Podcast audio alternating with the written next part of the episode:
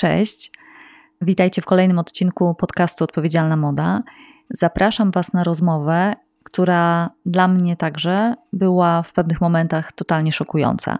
Ola Włodarczyk, która prowadzi konto Świadomy Konsument Mody na Instagramie, podzieliła się swoim wieloletnim doświadczeniem współpracy na linii marka odzieżowa dostawca, producent odzieży. No i zabiera nas za te kulisy fast fashion, żeby opowiedzieć między innymi o tym, jakie chwyty stosują marki odzieżowe, żeby ubrania mogły kosztować tyle, co czekolada albo cappuccino na mieście. Zapraszam na tą rozmowę. Nie pożałujecie. Cześć Olu. Cześć Kasiu. Słuchajcie, mamy dla Was dzisiaj rozmowę, myślę, wartką i treściwą o realiach pracy firmach odzieżowych, ale pod kątem tej relacji kupiec, kupczyni, dostawca. No i taki mały disclaimer na początku. I ja i Ola no długie lata spędziłyśmy w markach odzieżowych, więc będziemy tutaj dyskutować mając to osobiste doświadczenie i tak zwany insight markowy. Myślę, że Ola podzieli się różnymi swoimi historiami z różnych stron, tak? bo pracowała jako kupiec, fashion buyer, ale też miała, prowadziła swoją własną agencję. No i będziemy próbowały znaleźć odpowiedź na pytanie, dlaczego ubrania są tak tanie. Czasem nam się zdaje, że są coraz tańsze i czy naprawdę marki nie mogą nic e, zrobić z tym, żeby wykluczyć w łańcuchu dostaw pracę dzieci i wyzysk. No więc Olu, od razu Wam to powiem, e, Ola prowadzi wspaniałe konto na Instagramie, które nazywa się Świadomy Konsument Mody. Tam się właśnie Oli zaczęłam przyglądać, no a dzisiaj mamy okazję spotkać się na żywo, co mnie super cieszy. I mam do Ciebie Ola pierwsze pytanie.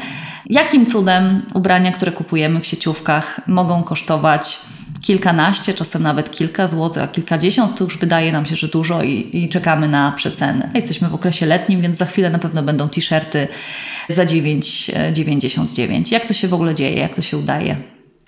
Myślę, że dlatego, że bierzemy je po prostu na kredyt. Ja sobie tak mówię, że to jest kredyt od e, natury i kredyt od ludzi, którzy te rzeczy produkują. Bierzemy te ubrania na kredyt, nie patrząc na koszty środowiskowe, nie patrząc na to, jak, w jakich warunkach i jakim kosztem ludzie je produkują. Zarabiają na tym głównie marki. Ja właśnie jestem w trakcie przygotowania takiego posta, w którym dzielę się wiedzą na temat tego, jaka jest wartość prawdziwa ubrania, czyli jak sobie można łatwo oszacować, za ile marki kupują ubrania.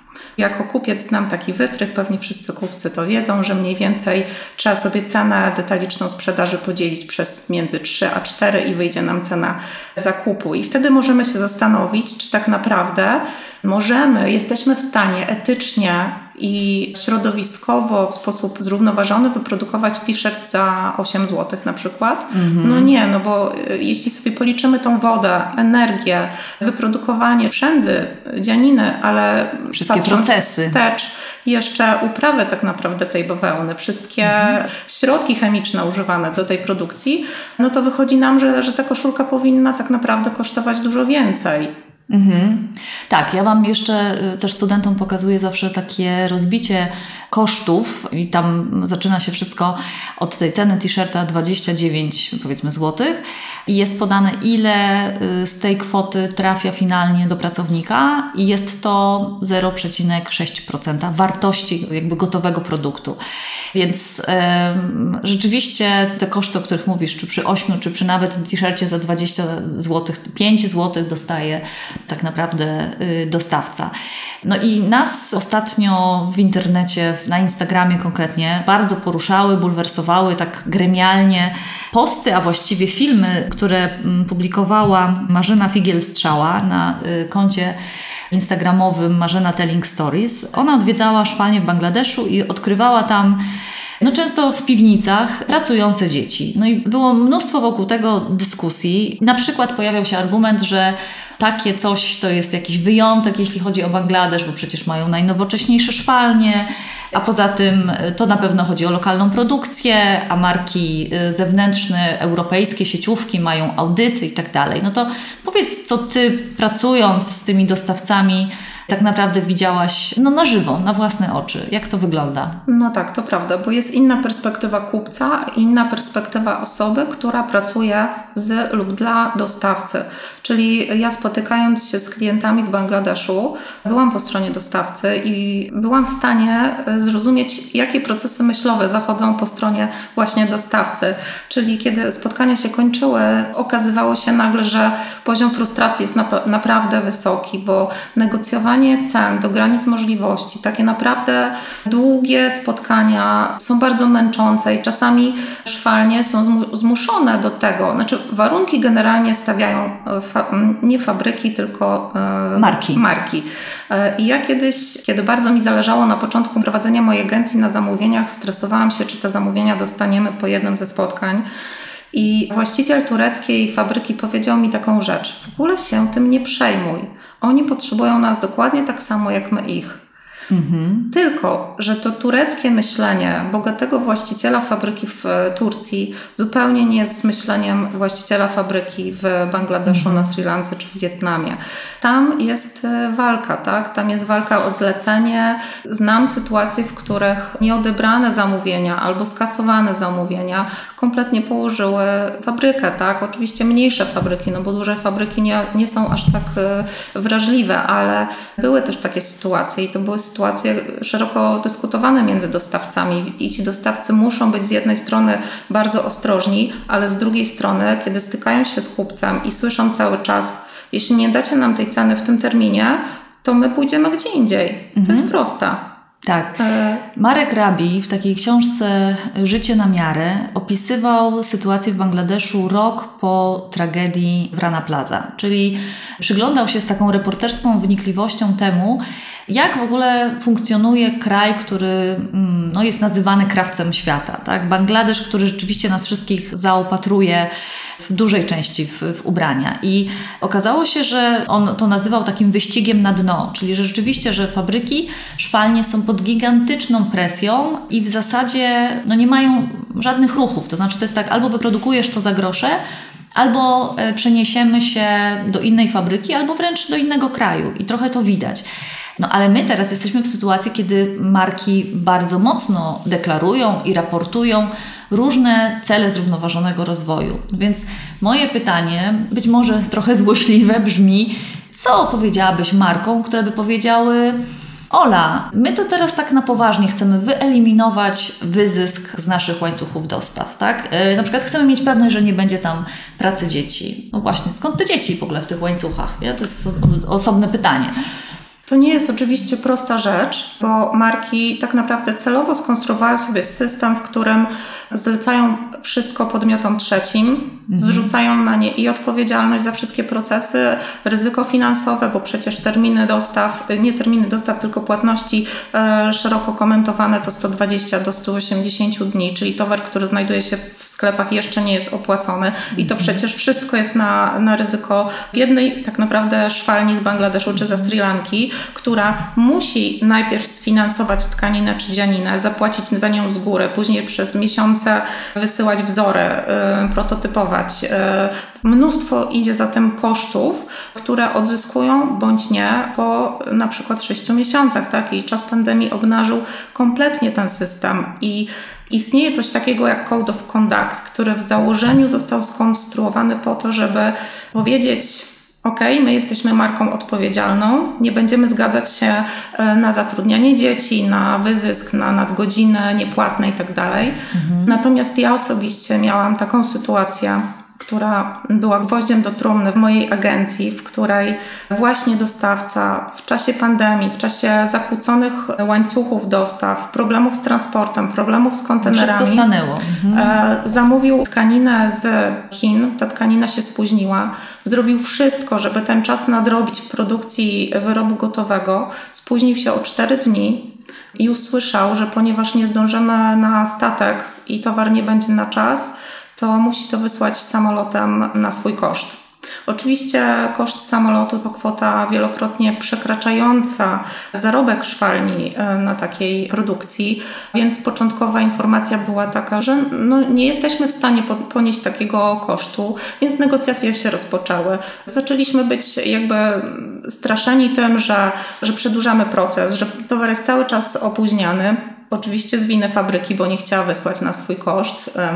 Sytuacja skończyła się tym, że najpierw kupiec użył argumentu, że zgodnie z umową, jeśli fabryka nie wyśle towaru w ogóle, to będzie musiała oddać marce 150% wartości towaru.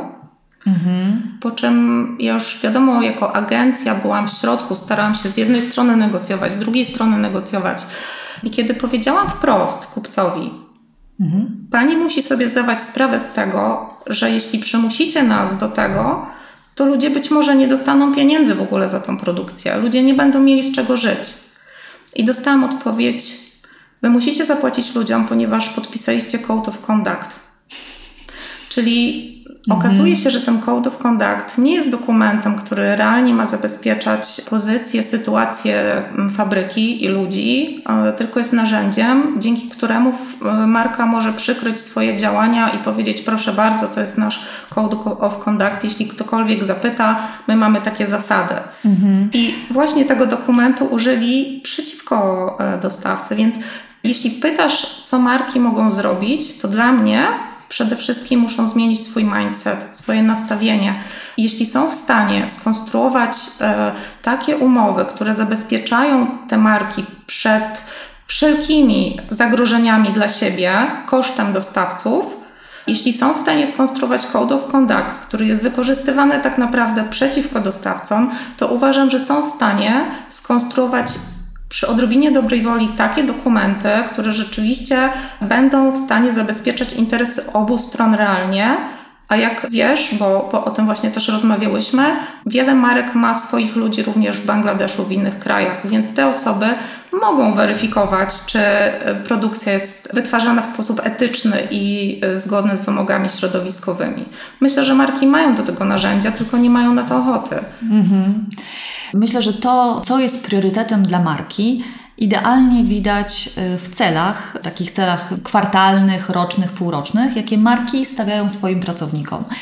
Bo ta dyskusja y, pewnie mogłaby się potoczyć w taki sposób, być może y, na to liczę, że nasi słuchacze i słuchaczki teraz głośno komentują to wszystko i mówią, no tak, no ale jeśli taki kupiec jest przymuszany czy strofowany przez swojego szefa, produkt managera albo różne wyższe instancje, no to trochę nie ma, nie ma ruchu. Więc ja bym chciała pogadać chwilę o tym, za co dostaje się w sieciówkach awanse i premie i jak to się ma do tego.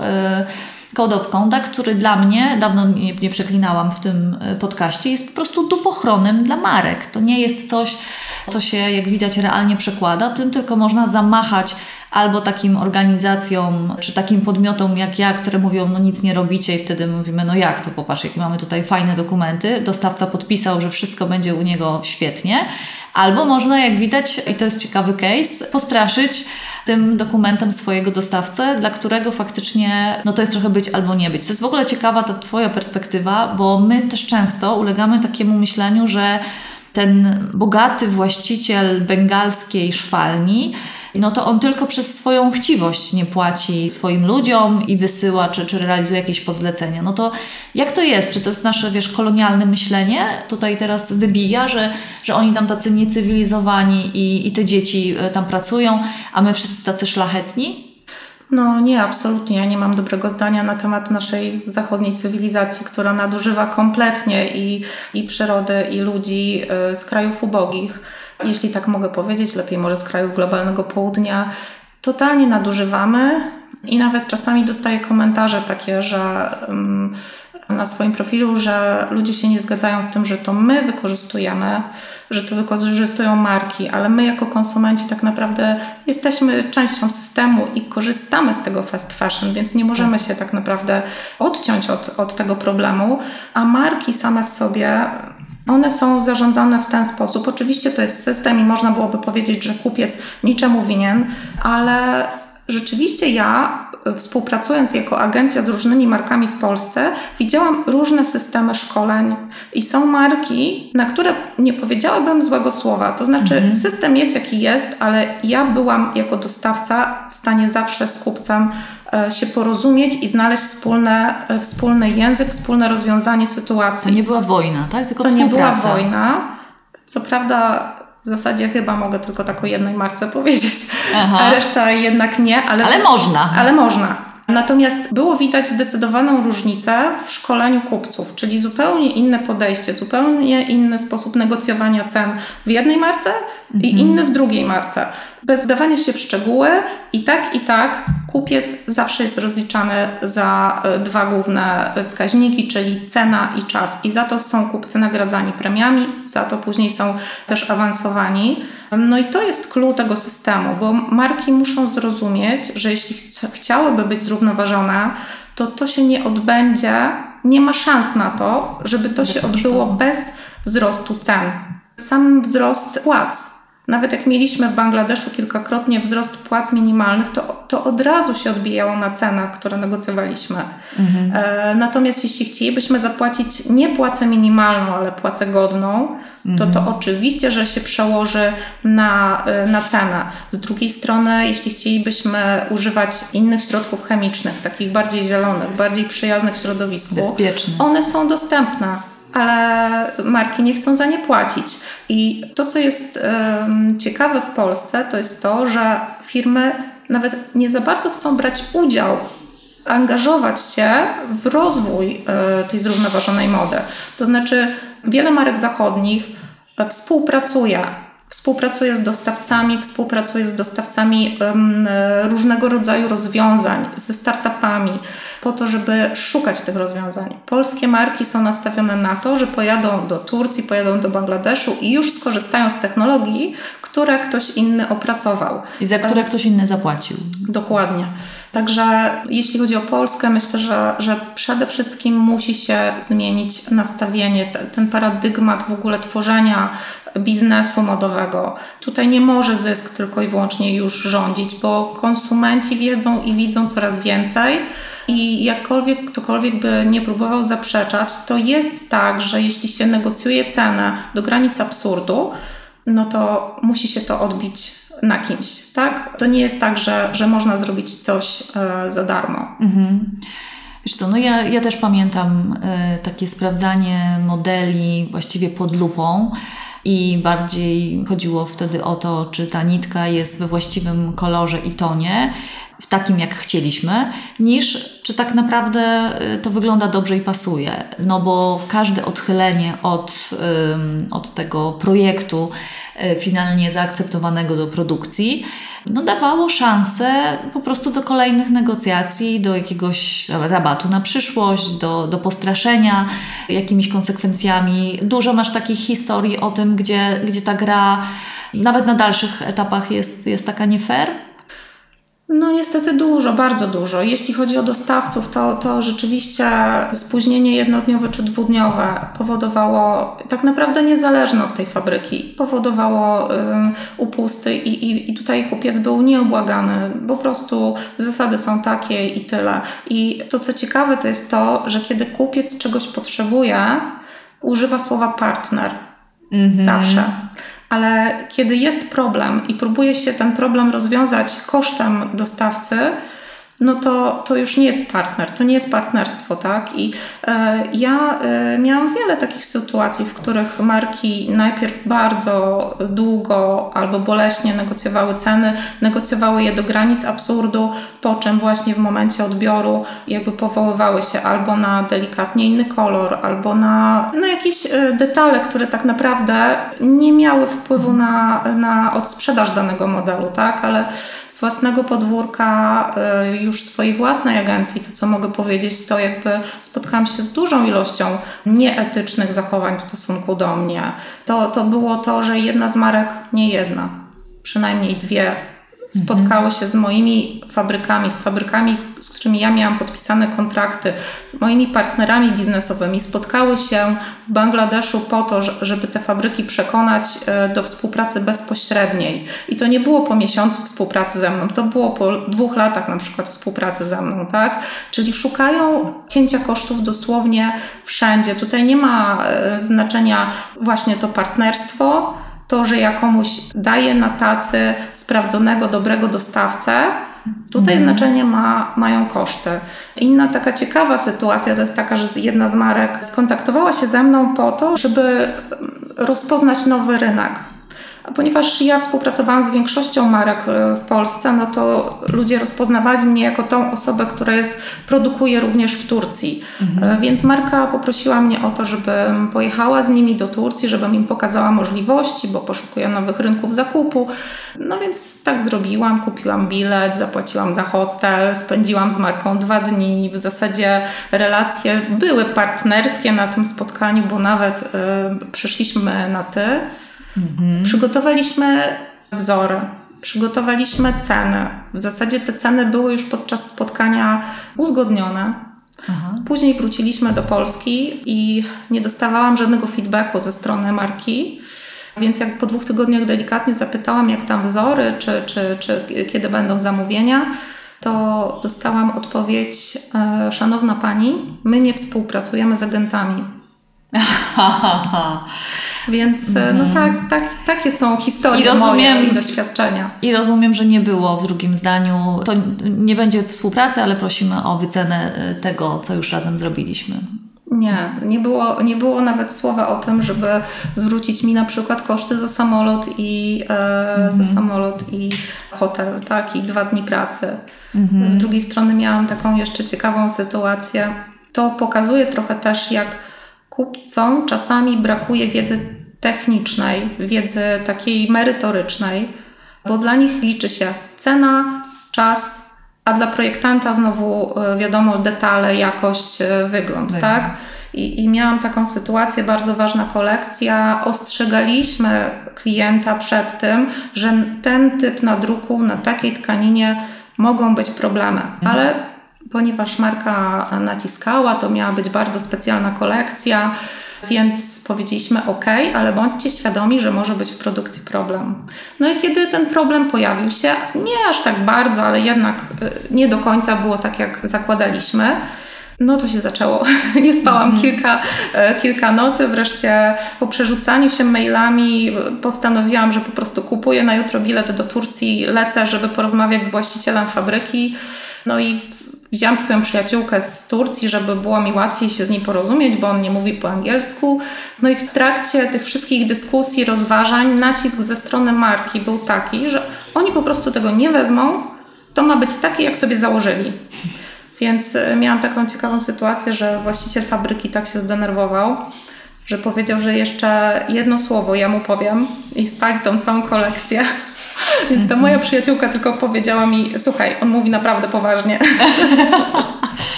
Więc chyba musimy wyjść. Mhm. I wyszłyśmy. Więc mhm. tych historii jest naprawdę mnóstwo. Nie jestem nawet w stanie spamiętać. Dzisiaj cieszę się, że już nie prowadzę swojej agencji, bo chcę wreszcie zacząć pracować zgodnie ze swoimi wartościami. Nie chcę chodzić na tego typu zgniłe kompromisy nie chcę mieć poczucia, że moja praca kogoś krzywdzi. A przez mhm. długi czas jednak miałam takie e, wrażenie, tak? No to Ola, ja mam taką jedną refleksję. Po pierwsze, że poza twardym systemem fast fashion, który ma u podstaw założenie, że ma być szybko, tanio i w zasadzie niespecjalnie się przejmujemy jakim kosztem, no to jest jeszcze w tej branży, nie wiem czy tylko polskiej i nie wiem czy tylko mody, po prostu jakiś elementarny brak po prostu poczucia nie wiem, godności, fair play, takiego zwykłego szacunku do siebie i, i takiej najczystszej etyki pracy, która jak widać nie tylko, ten brak etyki nie tylko dotyczy dostawców, ale po prostu właściwie wszelkich relacji biznesowych. I to chyba przypomina mi się takie hasło reklamowe, duży może więcej, czyli po prostu jestem większy, jestem ważniejszy. I, I po prostu nie będziecie mi tutaj podskakiwać. No ale żeby nie, nie zatrzymać się na tym, wiesz, na tym poziomie, że wszystko to po nic, e, bo i tak się nie da, no to powiedz, co możemy z tym zrobić, bo wiem też, że chyba i ty, i ja nie zgadzamy się na, tak, na takie myślenie, że e, no w związku z tym, skoro ten system tak wygląda, no to, no to to jest zbyt skomplikowane, żeby tutaj pojedynczy konsument czy konsumentka miał jakąś siłę wpływu. Mamy czy nie mamy? Jako konsumenci Myślę, że mamy. No to już wyświechtane trochę słowo, ale to głosowanie portfelem myślę, że jest istotne. Ale myślę, że też jest istotne zadawanie pytań. Chociaż ja zadawałam pytania i nie na wszystkie dostałam odpowiedź, ale myślę, że w ogóle po prostu wywieranie presji na marki, zadawanie pytań, kwestionowanie tych ich raportów, mhm. w których ja rozumiem, że wszyscy się tego uczymy, bo to jest taki tak naprawdę twór, ta moda zrównoważona to jest twór, który bardzo dynamicznie rośnie i się zmienia, e, jest modyfikowany i wszyscy tak naprawdę nie do końca rozumiemy wszystkie procesy zachodzące w, w tej modzie zrównoważonej.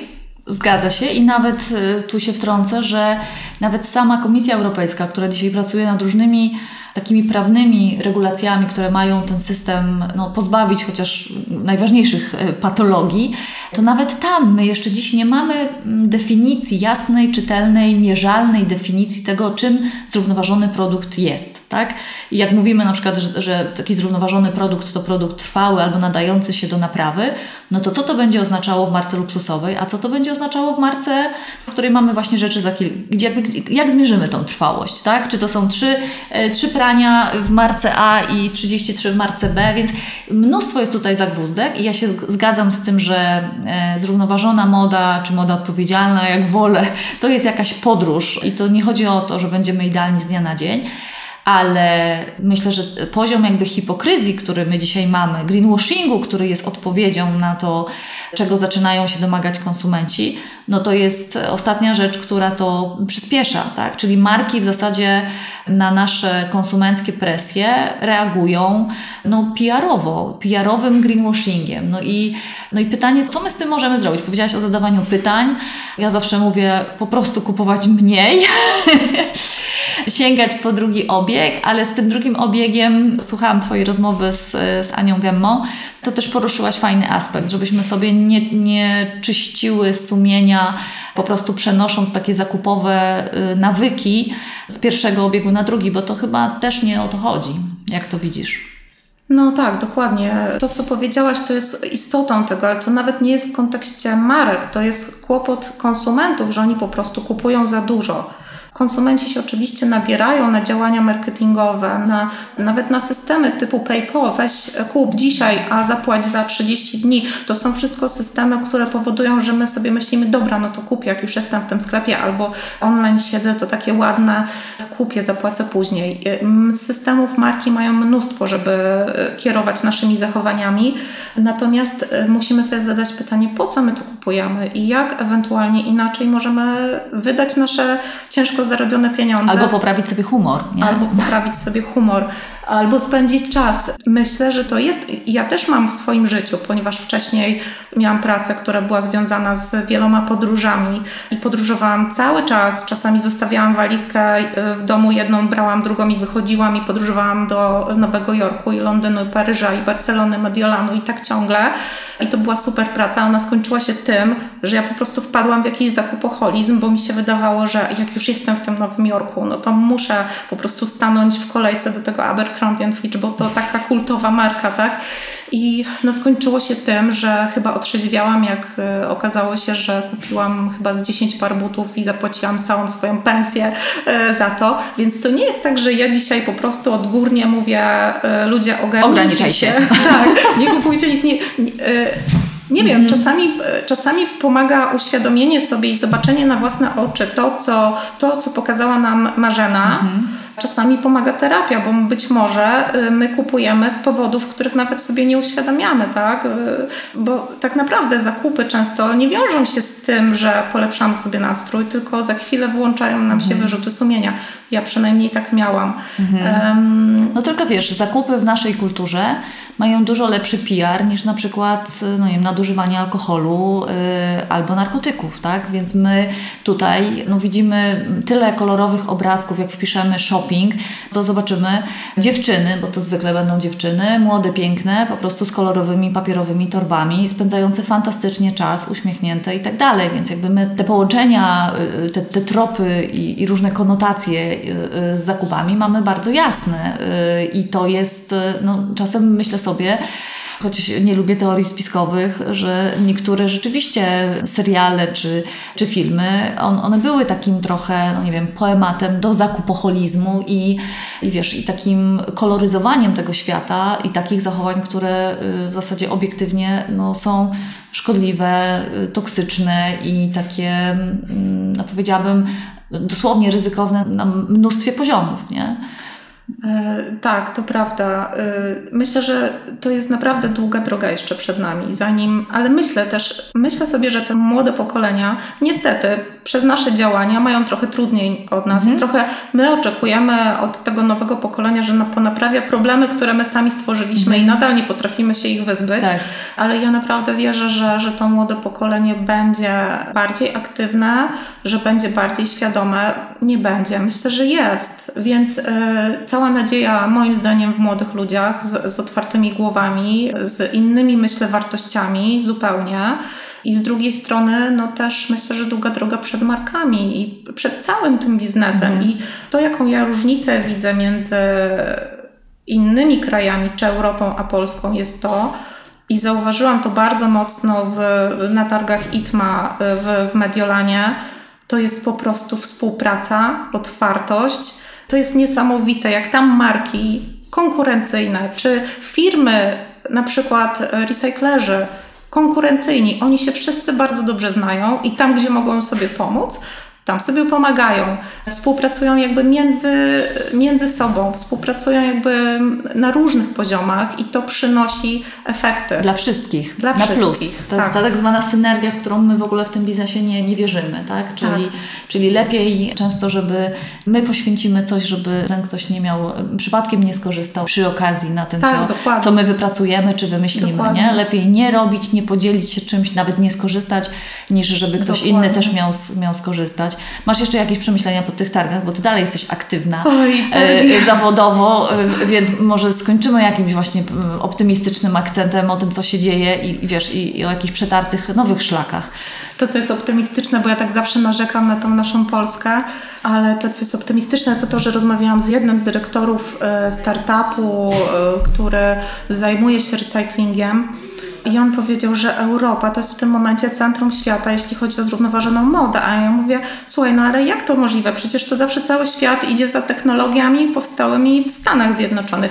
Nie, on powiedział, że jeśli w Stanach Zjednoczonych mówi się o zrównoważonej modzie, to ludzie otwierają buzię i nie do końca wiedzą, co odpowiedzieć. Natomiast mhm. te, ten pozytywny aspekt, że Europa jest wzorem dla um, działań wokół lepszej mody, to, to jest takie pozytywne, a z drugiej strony właśnie ta współpraca, no to było tak, że ja rozmawiam z dyrektorem jednej firmy, a on mi mówi, chodź, zapoznam Cię z innymi, zobacz, to jest e, ta firma, to jest ta, ta, ta. I po prostu dzięki niemu poznałam mnóstwo cudownych ludzi, którzy spotykają się po godzinach po to, żeby wymienić doświadczenia, po to, żeby się wspierać w tej drodze, bo, bo tak naprawdę cel mamy wszyscy gdzieś tam jasny i cel jest ten sam, tak? Każdy na inny trochę sposób, ale mhm. pracuje nie dla zysku w tym momencie jeszcze, tylko rozwijane są technologie po to, żeby osiągnąć wreszcie ten cel, żeby umożliwić modę cyrkularną i, i jest wiele przeszkód i wiele problemów, ale ta atmosfera tych targów e, była mhm. dla mnie po prostu niesamowita. To,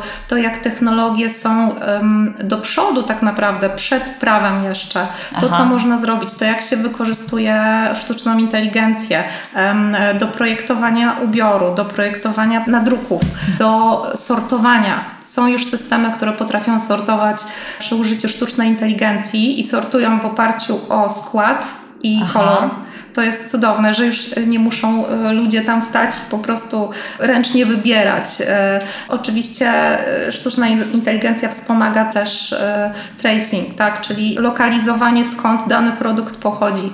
Jest coś niesamowitego takiego jak spray, które jak popsika się jakąś no nie wiem, bawełnę czy tam brzędzę, to jest to DNA, tego DNA nie da się wyprać ani zabrać żadnymi chemikaliami z tego e, produktu. To są niesamowite technologie. Tak samo jest w barwieniu. Naturalne barwniki, barwniki, które powstają w procesie fermentacji, ale też systemy, maszyny, które pozwalają na redukcję zużycia wody do 98%. Mhm. Przez to, że bardzo, że ten, ta maszyna pozwala na to, aby barwnik dostawał się bezpośrednio na tkaninę, dokładnie w takiej ilości, jaka wystarczy na zafarbowanie określonego, e, określonej powierzchni tkaniny. Tak? Powierzchni.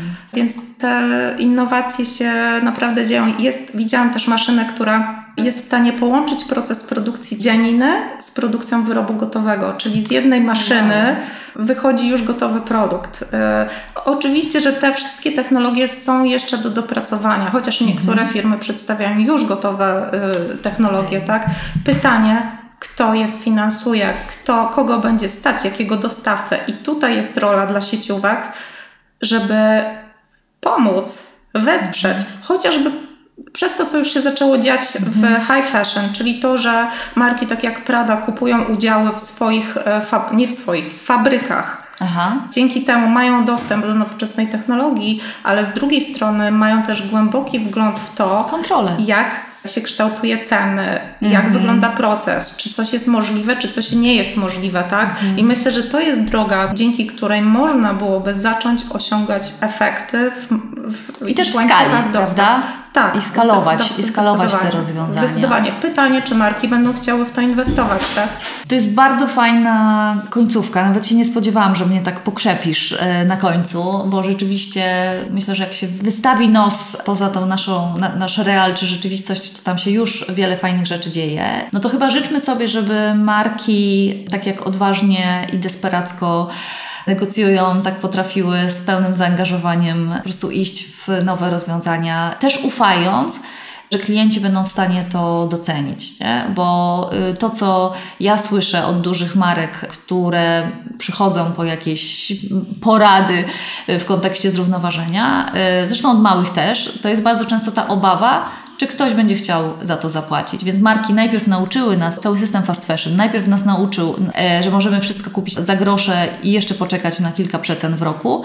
A teraz tak naprawdę no, trochę są w potrzasku, bo teraz tego samego klienta muszą nauczyć, że płacąc więcej nie jest frajerem, tylko tak naprawdę robi coś, co ma głęboki sens. Ale myślę, że będziemy im ufać, jeśli przestaną nam po prostu ściemniać na wielu polach i będą w stanie transparentnie komunikować e, te zmiany. Lepsza moda wymaga inwestycji, wymaga zmiany tego naszego mindsetu, tych naszych paradygmatów, zarówno po stronie konsumentów, jak i firm. I na pewno będzie droższa. Nie mam co do tego żadnych wątpliwości, mhm. że będzie droższa. Każda nowa technologia, każdy wzrost płacy do godnej tak. płacy odbije się na cenach ale z drugiej strony myślę sobie, że to jest początek i dopóki te nowe technologie nie osiągną ekonomii skali, mhm. one będą droższe ale myślę, że z czasem będziemy też te ceny mogli obniżać, bo to, co dzisiaj jest innowacją, za tak. 20 lat będzie naszym, naszą normalnością. E, więc hmm. ja jestem pozytywnie nastawiona. Liczę na to, że i w Polsce zacznie się realnie coś dziać, że zaczną się współprace, e, że ludzie z większą otwartością będą do siebie podchodzić i tyle. No i to rzeczywiście tyle. Skończyłyśmy tą rozmowę takim śmiechem, bo odkryłyśmy, że do naszego cichego pokoiku na mojej uczelni, gdzie zaprosiłam Ole, będzie wchodzić coraz więcej nowych osób. Trwa sesja egzaminacyjna i rzeczywiście trudno o takie pomieszczenie, w którym nikt nikogo nie szuka. Niemniej jednak e, bardzo się cieszę, że udało nam się spotkać na żywo. Mam nadzieję, że ta rozmowa da Wam do myślenia i trochę pokażę te kulisy branży, którymi tutaj się y, dzielę i ja, i Ola właśnie na swoim y, koncie Świadomy Konsument Mody. Także zapraszam do obserwowania. Dziękuję, że jesteście. Dziękuję za trzy wirtualne kawy, które postawiliście mi po publikacji ostatniego odcinka o Shein. No a największe podziękowania dla moich niestrudzonych patronek, które wspierają funkcjonowanie, działalność tego podcastu i tą moją edukacyjną misję właśnie za pomocą swoich cyklicznych, większych lub mniejszych wpłat. Jeśli macie ochotę dołączyć, będzie mi super miło. Zbieram kasę na nową wizualną oprawę tego podcastu i marzy mi się, żeby mieć wreszcie jakieś profesjonalne logo. No i żegnam się z Wami. Mam nadzieję, że i ta rozmowa, i to, co przygotowuję na kolejne piątki, soboty lub niedzielę, to wszystko będzie dla Was wartościowe, no i będzie skłaniać dalej do refleksji, ale też zachęcać do tego, żeby podawać tą wiedzę dalej. Sharing is caring, także trzymajcie się ciepło, no i praktykujmy te dobre gesty, współpracę i patrzenie na siebie i na świat z empatią, że tak pojadę moralizatorsko. Cześć, dziękuję. Pa.